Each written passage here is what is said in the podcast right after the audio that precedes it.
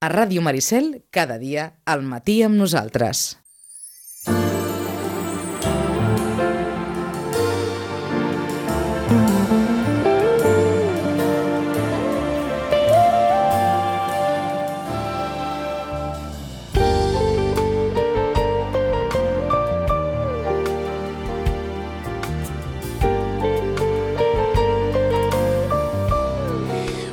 Un quart d'onze del matí és dimecres 8 de febrer del 2011. L'euro encara segueix viu i amb el suport de la representació de la Comissió Europea a Barcelona, la Diputació de Barcelona, l'Oficina del Parlament Europeu, l'Ajuntament i la Secretaria d'Afers Exteriors de la Generalitat, benvinguts a l'Hora d'Europa. L'euro encara és viu i afortunadament nosaltres també per explicar que encara és viu. Joaquim Millan, bon dia, bona hora. Molt bon dia, com I estàs? semblava que era mort fa quatre dies, que això ja estava a punt de- de- d'acabar-se. Bueno, havien, eh, havien les dues tesis, no? les pessimistes de que això de l'euro mm, anava cap avall i que per tant aquí depenia una mica també d'una decisió que tenien que prendre els alemanys de dir, bueno, el salvem o no el salvem, quin cost té salvar-lo i fins a quin punt doncs, eh, tirar enrere i deixant-se de l'euro doncs, eh, era una bona sortida per tothom, especialment per ells també, que són una mica els que acaben decidint aquestes coses, no? com tots estem veient.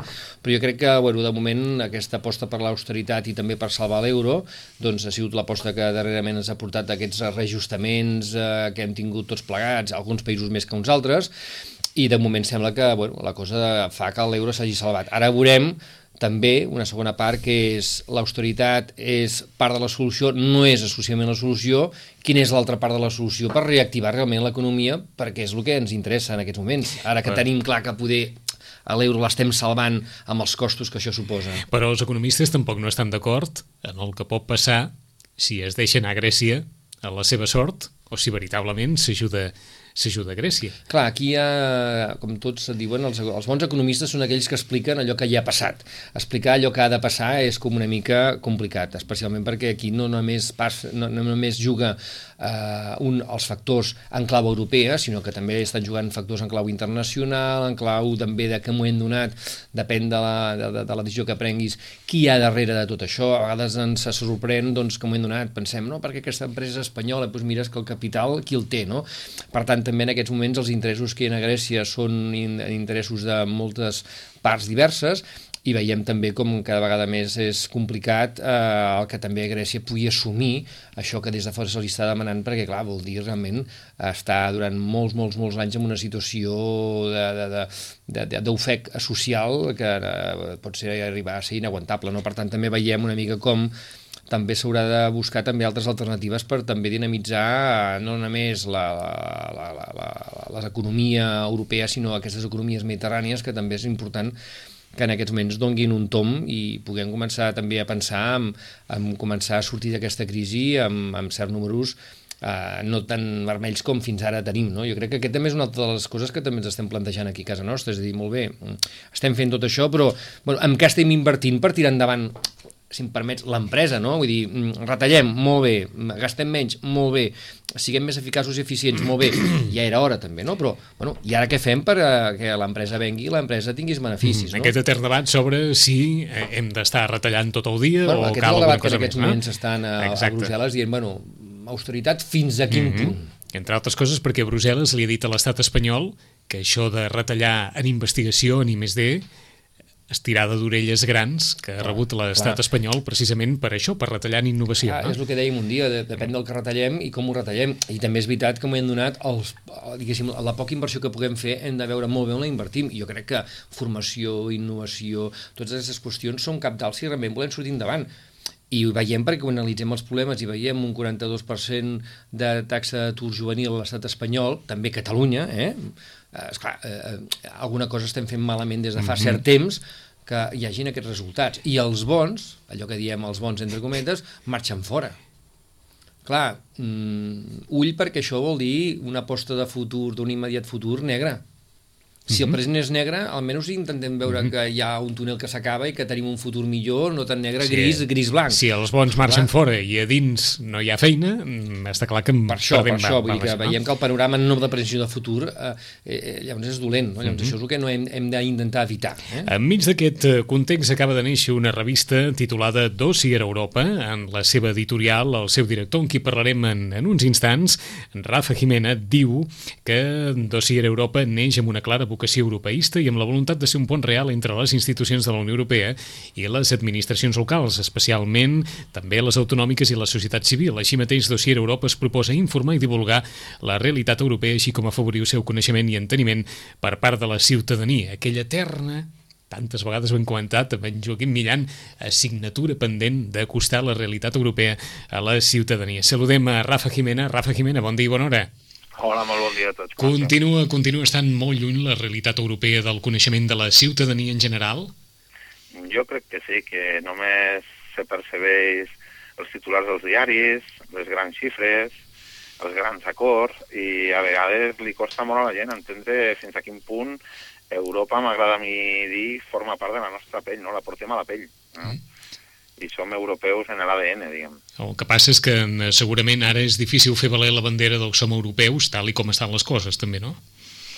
Sí, però Europa s'ha fet a petits, a petits passos, a passos interessats. Jo, jo crec que Europa ha constatat que fent negocis i fent tractes i tenint relacions ja no només comercials, sinó també culturals i de tot tipus, doncs també s'estreten lligams i se creen identificacions i dels moments difícils ha de sortir també grans relacions, no? La gent fa amics per tota la vida, no?, en moments difícils. Dir, que mm, no sé si en aquest cas en, en Rafa Jimena també està una mica cansat d'aquesta visió tan perpètuament negativa que s'està donant de la situació actual i que bé, algunes iniciatives o algunes experiències com les que pot haver tingut ell en el coneixement eh, de les institucions europees o de persones determinades eh, demostren que enmig de tot això hi ha, hi ha grans iniciatives també.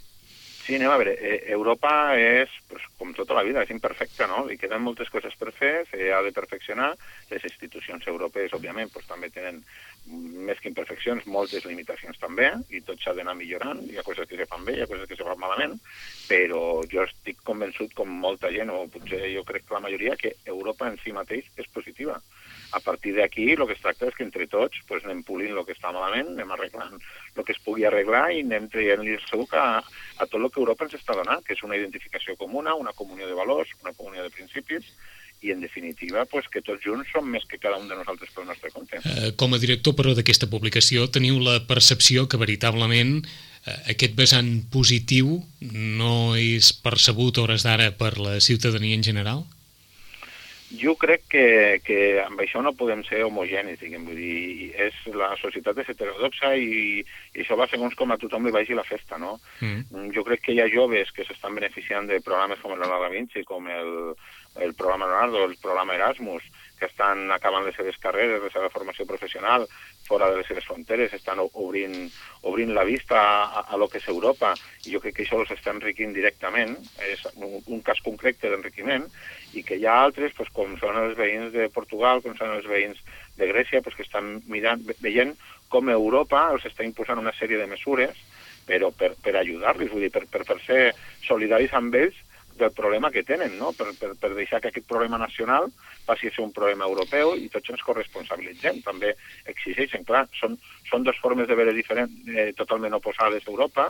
Una és l'Europa que t'exigeix, l'altra és l'Europa que et dona, i jo el que no vull és ni veure ni una ni l'altra. Jo m'estimo més veure tot en un conjunt, Mm.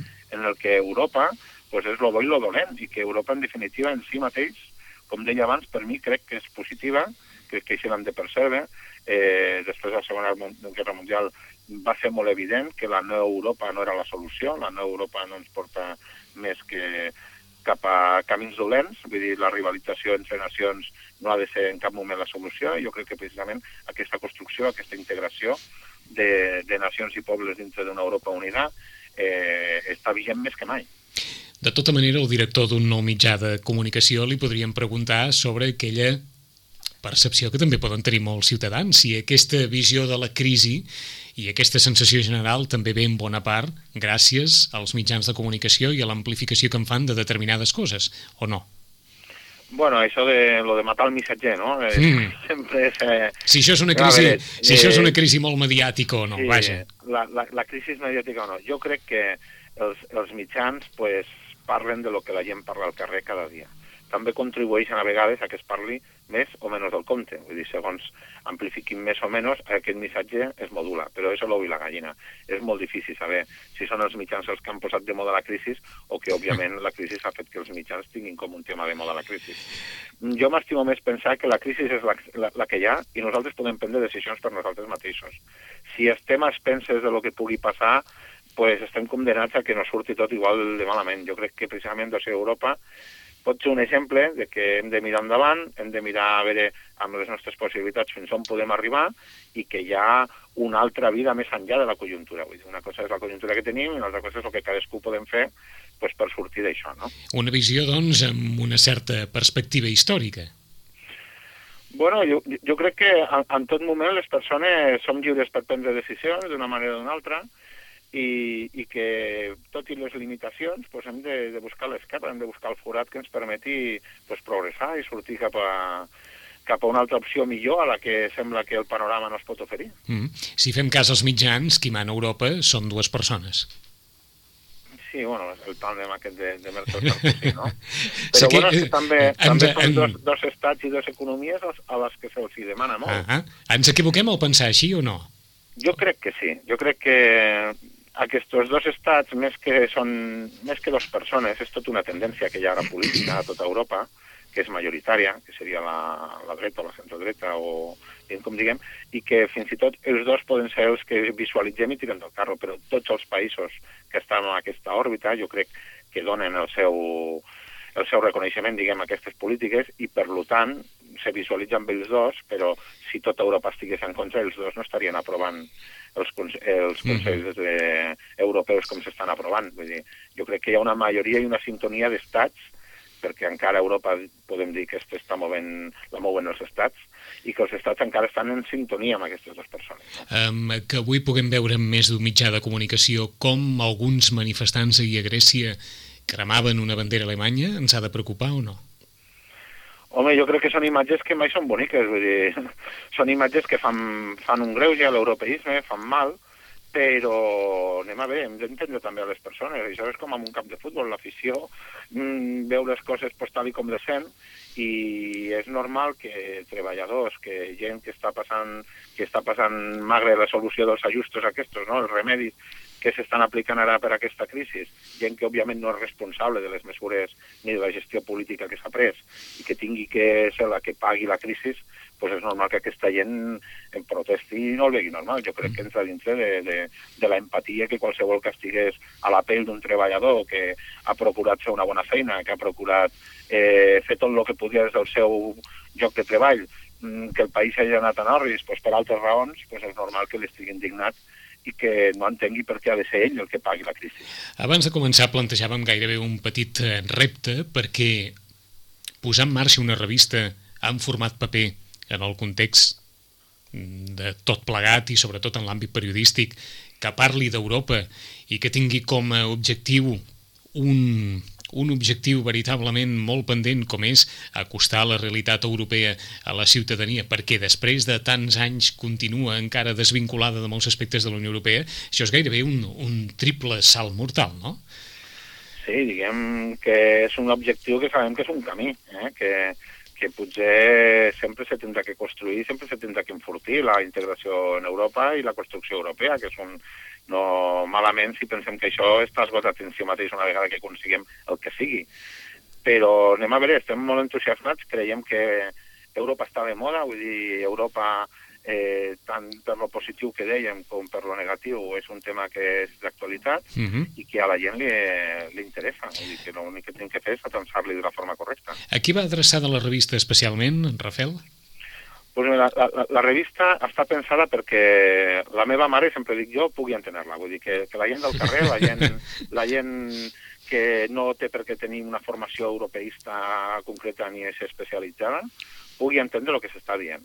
Sí que és cert que no és una revista que nosaltres ficarem als quioscos i la gent buidarà el quiosc amb la revista aquesta. Llavors, sí que serà, pues, està pensada pues, en ser una revista pues, de revistero d'entitat cívica, d'associació de veïns, Mhm. uh -huh. d'entitat europeista, i que qualsevol persona, pues, en un rato que pugui estar esperant, un rato que la tingui entre les mans, pues, pugui llegir un dels seus articles, que també se caracteritzen per no ser molt llargs, per ser sintètics, que la gent pugui expressar les 4 o 5 idees que vol fer pues, en, amb unes quantes ratlles i no tingui que ser pues, destinar un gran esforç el pugui entendre qualsevol dels titulars que una primera vista pot veure. O sigui que hi ha fonamentalment un vessant didàctic.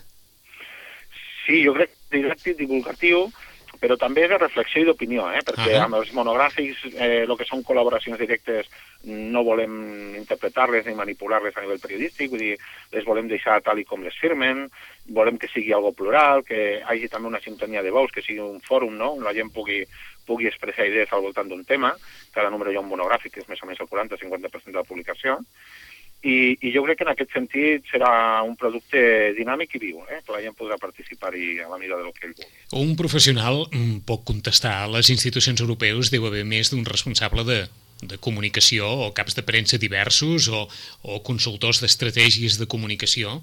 Per què li està costant tant a les institucions europees doncs, donar-se a conèixer d'una forma, com ara ens acaba de dir en Rafael Quimena, perquè la seva mare ho, ho pugui entendre?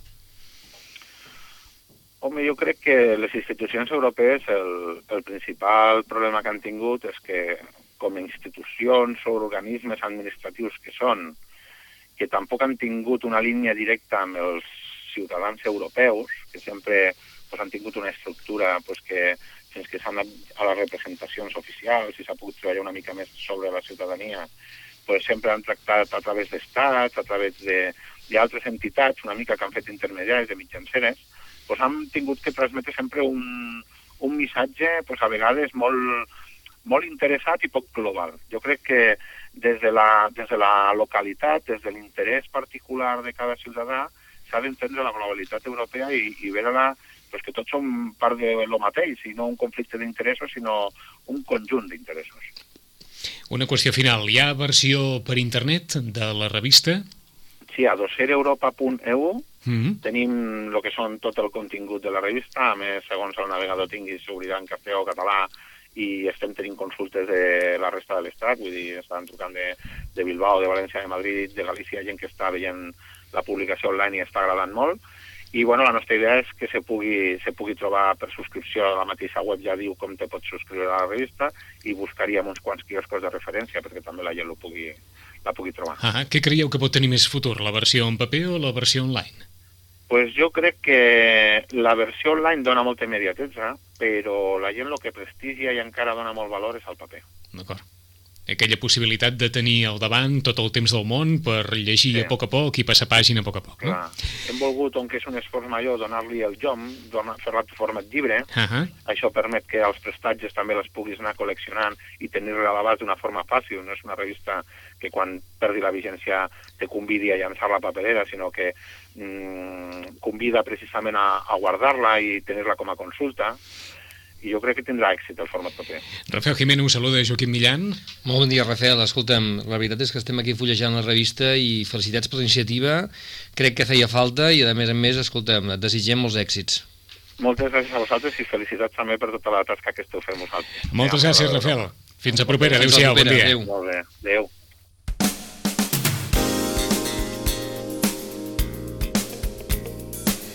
Si s'hi volen passejar, www.dossiereuropa, dossier amb dues S, òbviament, dossiereuropa.eu aquesta extensió que és comuna també a les institucions europees. www.dossiereuropa.eu en el número que ens ha portat en Joaquim Millan, que és aquest primer número de gener del 2012, es parla de la xarxa transeuropea de transports, motor de creixement de la Unió Europea, es parla de Malta, la petita joia de la Unió Europea, Malta que és de les que s'han d'incorporar, no, Joaquim? Sí. Encara. No, no, no, Malta ja hi és, la que Ja hi és? s'incorpora és Croàcia. Ah, exacte. Croàcia l'any vinent, a de, bueno, de fet ja està signat l'adhesió i s'incorporarà a l'1 de gener del 2013. O sigui, vull dir que en un moment de crisi veiem com hi ha algú que encara suma, eh? encara suma. Això ens dona esperances de que hi ha gent que veu encara aquí un projecte de futur. Eh? Eh? Dic allò de, eren pocos, i vinga, i encara... Home, passarem a 28. A Déu-n'hi-do, 28, eh? Passem de 27 a 28 a un moment on que això de les adhesions s'havia lentit no només perquè dintre encara s'havia d'acabar de manir tot, que realment es va ser una,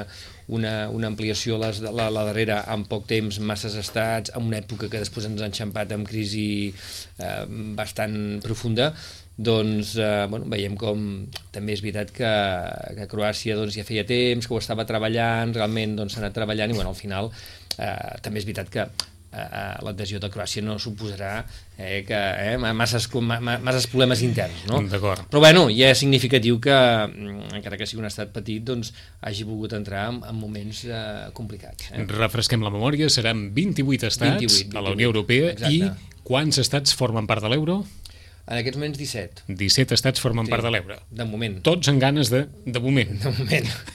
No, també pot ser que s'incorpori algú, eh? Ah, ah, ho deia no vessant positiu, ho deia no vessant positiu bueno, en Joaquim, eh? No ho he dit ni en positiu ni negatiu. És veritat, però, és bueno, veritat. Ara... Davant de la tentació de pensar en negatiu, penso, bueno, també podria ser que algú s'incorporés... Si, si realment aguanta la situació, el més lògic és que s'incorporin, eh? si s'aguanta, no? Si no, llavors ja, ja en parlarem Home, un altre si, dia. Si l'euro si aguanta, aquesta és una història per explicar, eh? La veritat és que jo crec que dintre d'uns anys que, Explicar que, que els economistes això, llavors ho podran explicar molt bé i se'n faran llibres, etc etc. jo crec que possiblement puguem entendre mm, moltes coses que ara inclús han passat que no sabien que podien passar, que els temes econòmics, eh, vull dir, ja no els podem analitzar a més eh, des d'una perspectiva, vull dir que hi ha diverses perspectives i que possiblement aquesta situació de, de crisi financera, quan la veiem en perspectiva, veurem també com realment també mm, això que es diu, com és que no s'ha detectat, com és que no s'ha detectat, home, possiblement es podia detectar, el, el, eh, perquè hi havia algunes coses que ja indicaven i alguns estats van començar a fer els deures abans, per tant, alguna cosa alguns estats van veure que els altres o no van veure o no volien veure, però sí que és veritat que una vegada t'hi has trobat, hi ha, hi ha hagut molt poc marge de, de reacció. Una vegada estàs allò que se'n diuen el fregao, uh mhm. -huh. mmm, allò que dius sálvese quien pueda, no? I ha sigut una mica la sensació que ha passat a Europa, eh, per diversos motius. Un d'ells, possiblement perquè prendre decisions a nivell europeu de 27 estats membres que tots estiguin d'acord més o menys és molt complicat, ja, ja a vegades ja ho parles en parelles, són dos, imagina't, 27, i també el que deies abans, al final la, la, la Merkel Sarkozy acaben prenent una decisió que ve també una mica per la història d'aquests dos països amb quan que ha sigut el procés d'integració europea, que possiblement, en alguns casos, sembla que els hi hagi agradat. I a vegades penso, o oh, no, i han tingut que assumir el rol de dir, bueno, eh, o tirem nosaltres eh, o què, no? I també és veritat que el que deia el Rafael, no? que els altres estats membres han anat una mica avalant, també perquè possiblement no s'han atrevit a dir fem una altra cosa, quina altra cosa? Quina altra clar, cosa, no? Clar, llavors jo crec que en un moment donat han dit, bueno, si ens han de salvar, sembla que aquests dos eh, són els que mm -hmm. capitanegen l'equip, doncs, bueno, tirem, no? Aviam què passa, no? I més quan els especialistes tampoc no es posen d'acord amb l'alternativa, no, no? No, no, les alternatives, i llavors això també complica molt el panorama. No és tan fàcil, eh? a vegades mm. criticar és molt senzill, Sí que és cert que hi ha hagut eh, en els primers moments, eh, i especialment jo penso aquelles urgències que són una manca de previsió per alguns estats, havia hagut una manca de previsió en alguns estats, això és així, i ho veiem, i a casa nostra podríem tenir exemples, que hi ha hagut manca de previsió, però també és veritat que una vegada t'hi has posat, mmm, el marge de maniobra és tan mínim, tan mínim, tan mínim, que no ha estat gens fàcil trobar un, un camí fiable per dir, bé, ja tinc el camí per sortir-ne, tardarem més o tardarem menys, però trobo el camí, és que ni tan sols ara en aquests moments et poden dir, aquest és el camí, tardarem més o tardarem menys, però tenim clar el camí, és complicat, no és senzill.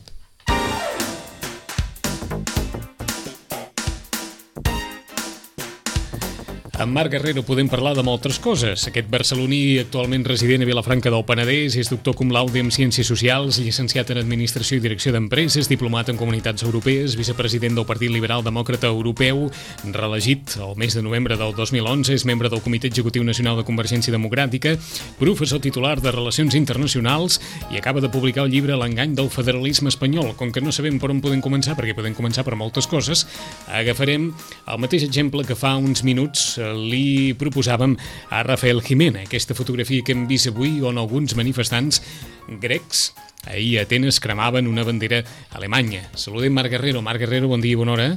Hola, bon dia a tots. Aquesta, bon dia. aquesta imatge d'alguns manifestants grecs cremant la bandera alemanya mereix alguna reflexió?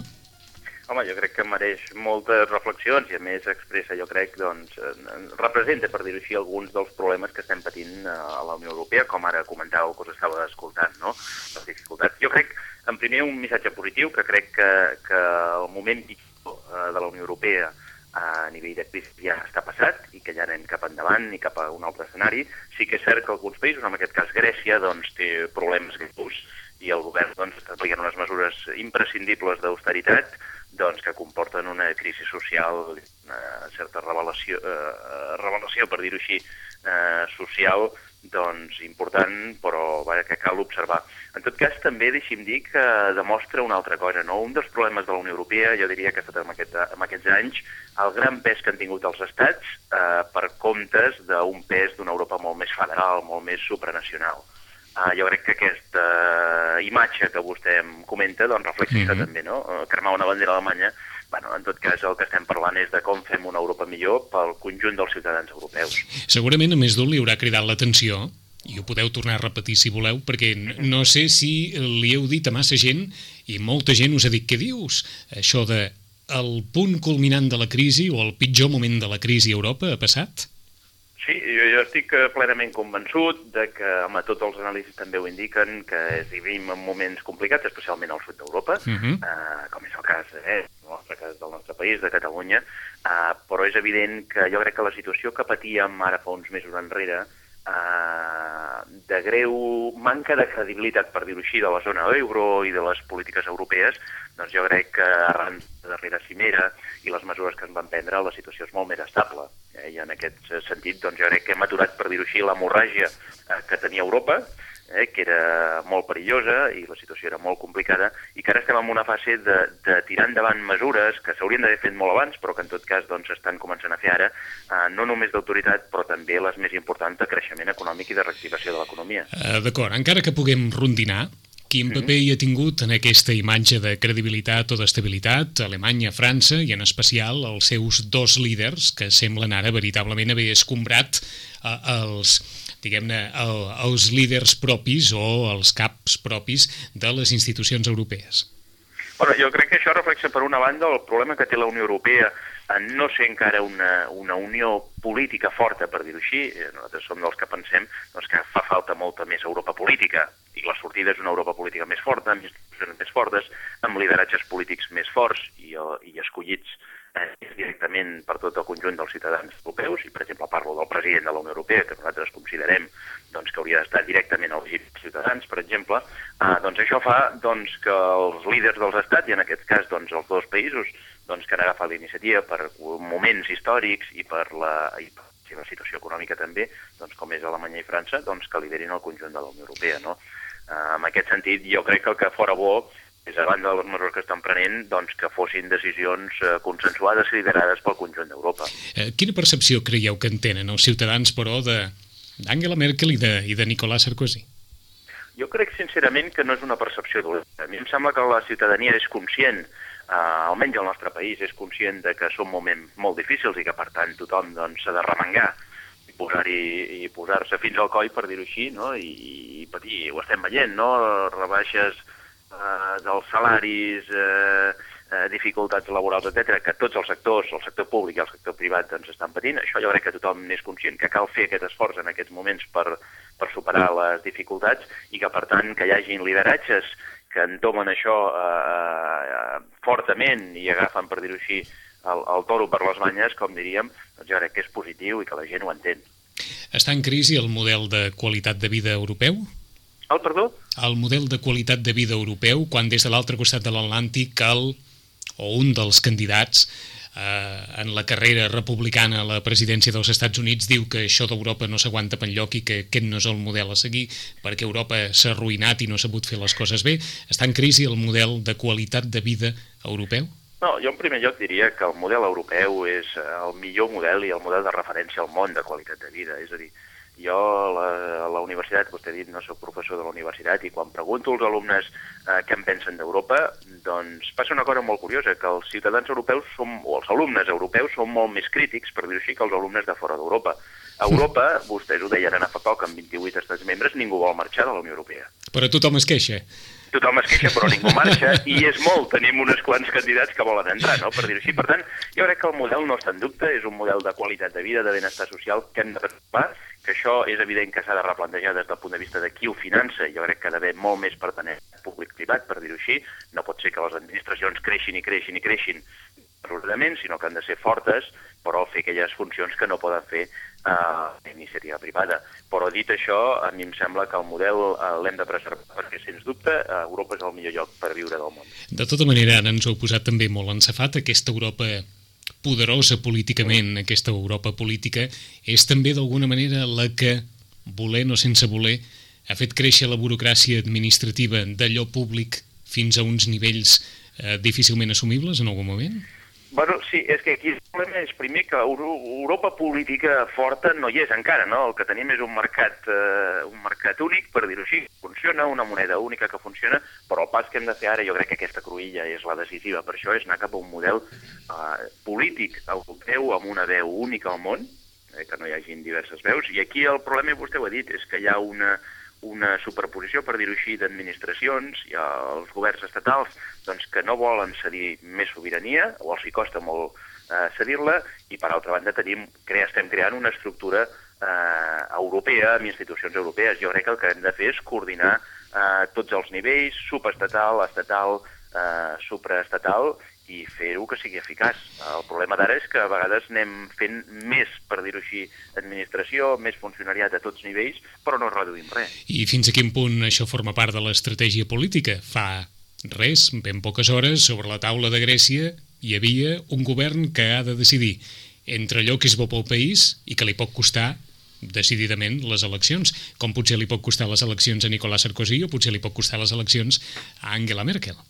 Sí, aquí hi ha la tensió, no? La tensió aquesta entre, entre els interessos, per dir-ho així, nacionals, estatals i els interessos europeus. Jo crec que el que hauríem d'aconseguir, mirat en perspectiva de cara al futur, és que hi hagués molt més eh, aquesta identitat europea que s'està construint, que encara no hi és present en tots els nivells, però jo crec que les generacions més joves la tenen cada vegada més present, que han viatjat, que han fet Erasmus, que han fet molt més intercanvis, que coneixen l'euro des de que han nascut, per dir-ho així, i no han treballat amb altres amb monedes. Jo crec que aquesta identitat europea és la que ens farà veure que el que és l'interès nacional també és al mateix temps l'interès europeu. I què creu que demanen els ciutadans ara eh, als polítics? Des d'aquell moment en què més d'un pot dir no, els ciutadans el que demanen al polític és escoltar allò que tothom vol sentir, o ara els ciutadans els hi demanen als polítics que facin allò que s'ha de fer, encara que aquestes solucions els arrosseguin a perdre les eleccions?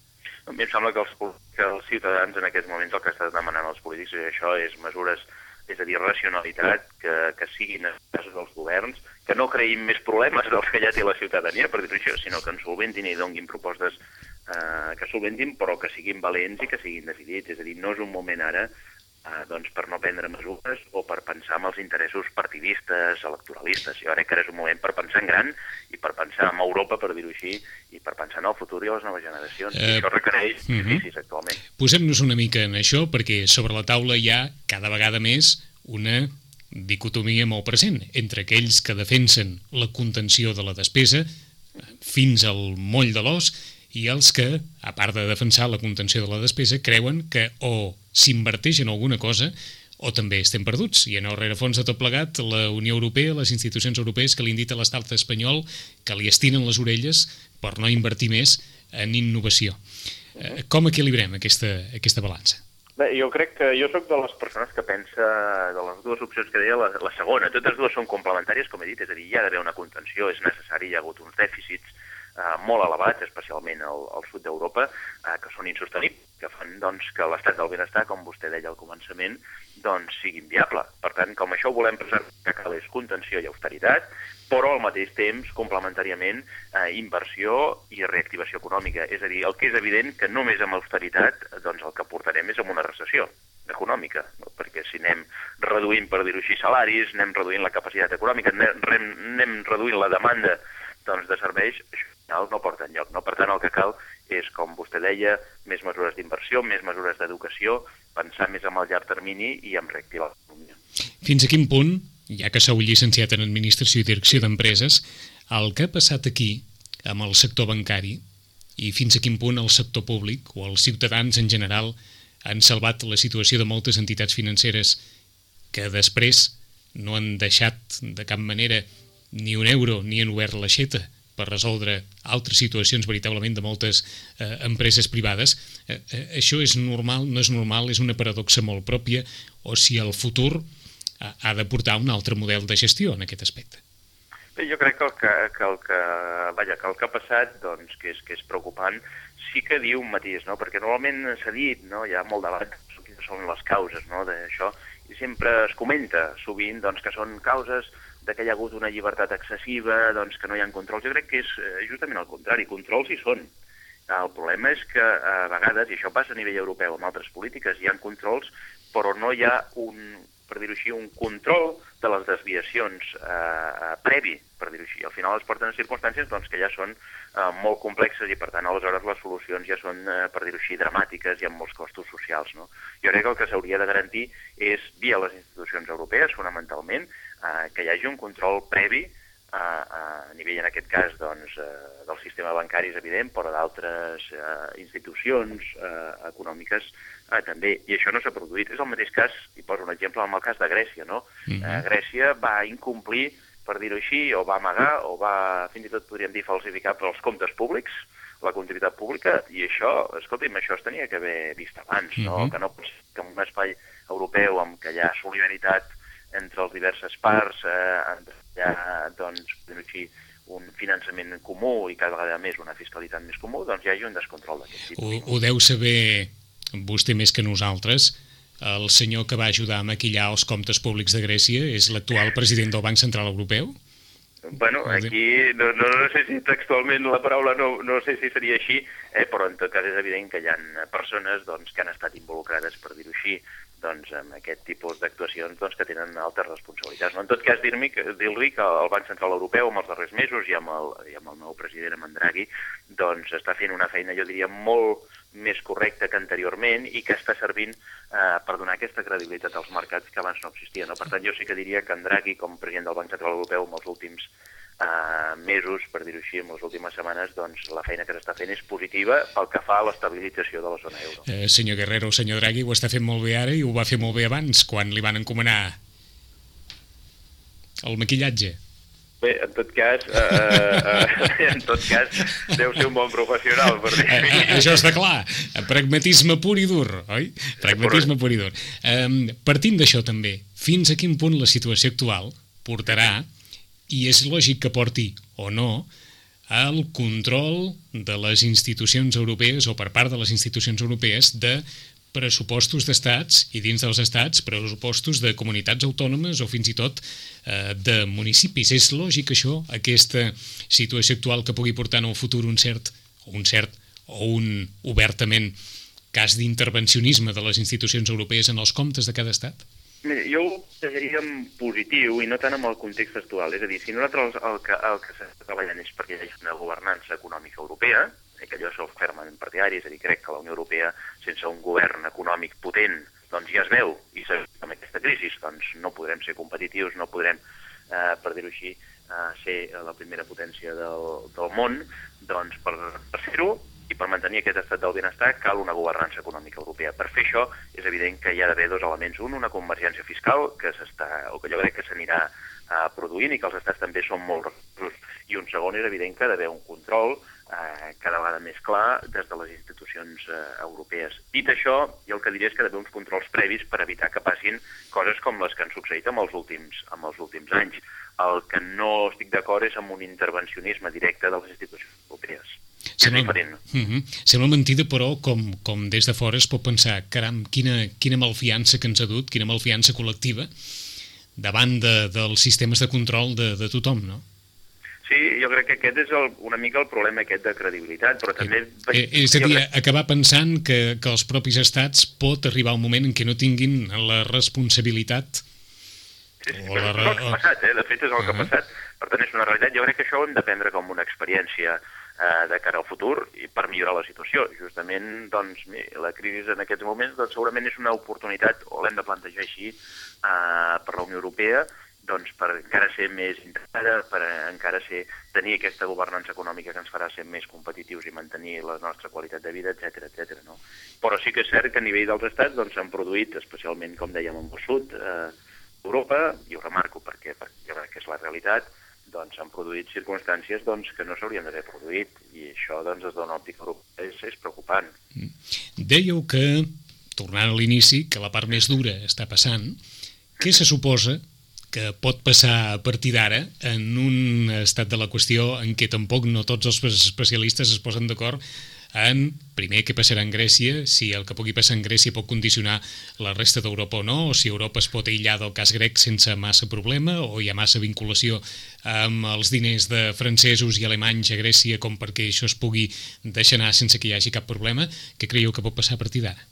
jo crec que, que la solució hauria de ser eh, integral, en el sentit que nosaltres no, com a europeus, eh, estic parlant, no hauríem de deixar Grècia del marge Uh, sinó que sempre s'ha considerat, i aquesta almenys és la meva, la meva opinió, uh, que Europa uh, la solució ha de ser conjunta.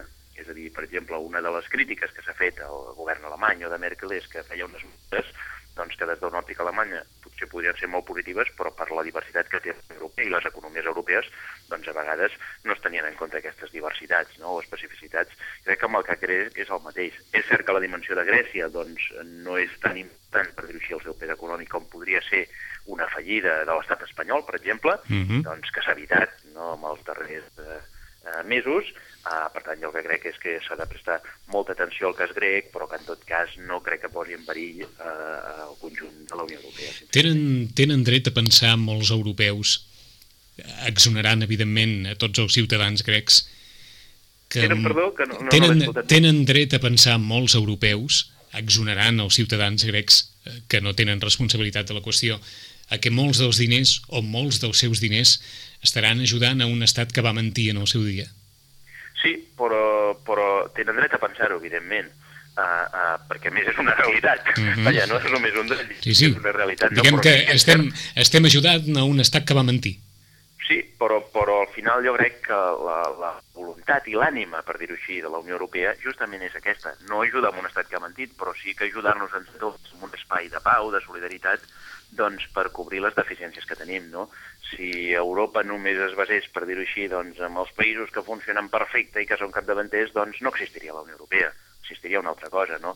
Jo crec que és part dels costos que té la Unió Europea, però que al mateix temps és la grandesa que té eh, aquesta mateixa Unió. Ara, evidentment, hem de fer uns controls previs perquè no torni a passar això i els ciutadans no tinguin que pagar doncs, governs, per dir-ho així, que malmeten els diners públics. En qualsevol cas, algú va ficar molts diners en els bancs grecs, suposo que sabent també que la cosa anava com anava, no?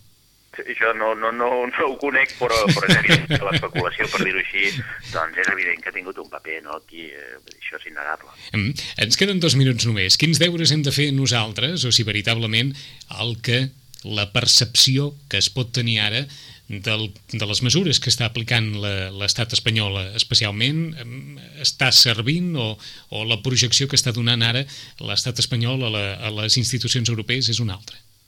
No, jo crec sincerament que les mesures que està aplicant l'estat espanyol, de fet, són les mesures que la Unió Europea s'havia considerat que s'havien d'aplicar amb els darrers, eh, no només amb aquest nou govern, eh, però també d'en Zapatero amb la darrera etapa, per dir-ho així, jo crec que s'està seguint el full de ruta d'entendre'ns doncs, que la Unió Europea doncs, marca per, per, per sortir de la, de la pitjor crisi, per dir-ho així, per encarar una etapa de més prosperitat econòmica. Jo crec que estem en aquesta direcció i en aquest sentit també, doncs, amb el cas català, doncs, també eh, jo crec que és evident que és un dels referents a Europa, en aquest cas, un govern que no és un govern central, un govern no estatal, Uh -huh. eh, però que està fent els deures, i jo em sembla que això també és important remarcar-ho, i s'ha anat fent, eh, eh, doncs que hi hagi una consideració a Europa, jo almenys la detecto, de que des de Catalunya eh, som una societat que estem fent bé els deures i que per tant som, som gent eh, en la que es pot creure. O sigui que tenim dret a pensar que ens està manant la Unió Europea i que dins de la Unió Europea Angela Merkel i Nicolás Sarkozy són els que defineixen les regles de joc. Bueno, jo el que crec és que hem de pensar que la Unió Europea ja és una realitat i a nivell econòmic és, és evident, encara ens falta treballar perquè sigui una realitat més forta políticament i que tingui més presència, per dir-ho així, de cara a l'exterior, amb una sola veu i amb política exterior més potent, però que des del punt de vista econòmic eh, ha canviat el món i que els estats ja no tenen el control que tenien de la ja no el tenen de la moneda, és evident, ja no tenen capacitat de devaluar-nos eh, moneda i això provoca conseqüències no? i dificultats però que estem en un altre escenari, que és un escenari global, i el nostre espai dins de l'escenari global és Europa. Marc Guerrero, saluda Joaquim Millan. Moltes gràcies, Marc, per estar avui entre nosaltres. Escolta'm, Joaquim. has estat molt pedagògic, eh? això s'agraeix, eh? Sí, moltes gràcies a vosaltres perquè un programa com aquest, eh, l'Hora d'Europa, doncs primer no, no costa de trobar-ne programes que es parlin d'Europa des d'aquest punt de vista pedagògic, jo crec que és fonamental en el futur. Us agraïm, almenys ja que estem parlant de penes, que les entenguem tots plegats, no? Molt Marc. Guerrero, gràcies per estar aquí amb Vinga, bon dia, nosaltres. adéu. Moltes gràcies, bon dia. Gràcies, adeu-siau. En, eh, bé, en un mes tornarà a l'hora d'Europa a veure com segueixen les coses, a veure si els grecs estan salvats o no estan salvats, o a veure com estan Espero tots. que segueixin, si més no com ara, però una miqueta millor. Una miqueta ara millor. intentem aquest any eh, dir allò de que hem de ser una miqueta Vinga, optimistes. A veure si eh? podem dir que estem una miqueta millor d'aquí un mes. Són les 11, Joaquim Millan, gràcies. Gràcies una a vegada vosaltres. més. En 5 minuts tornem. Fins ara.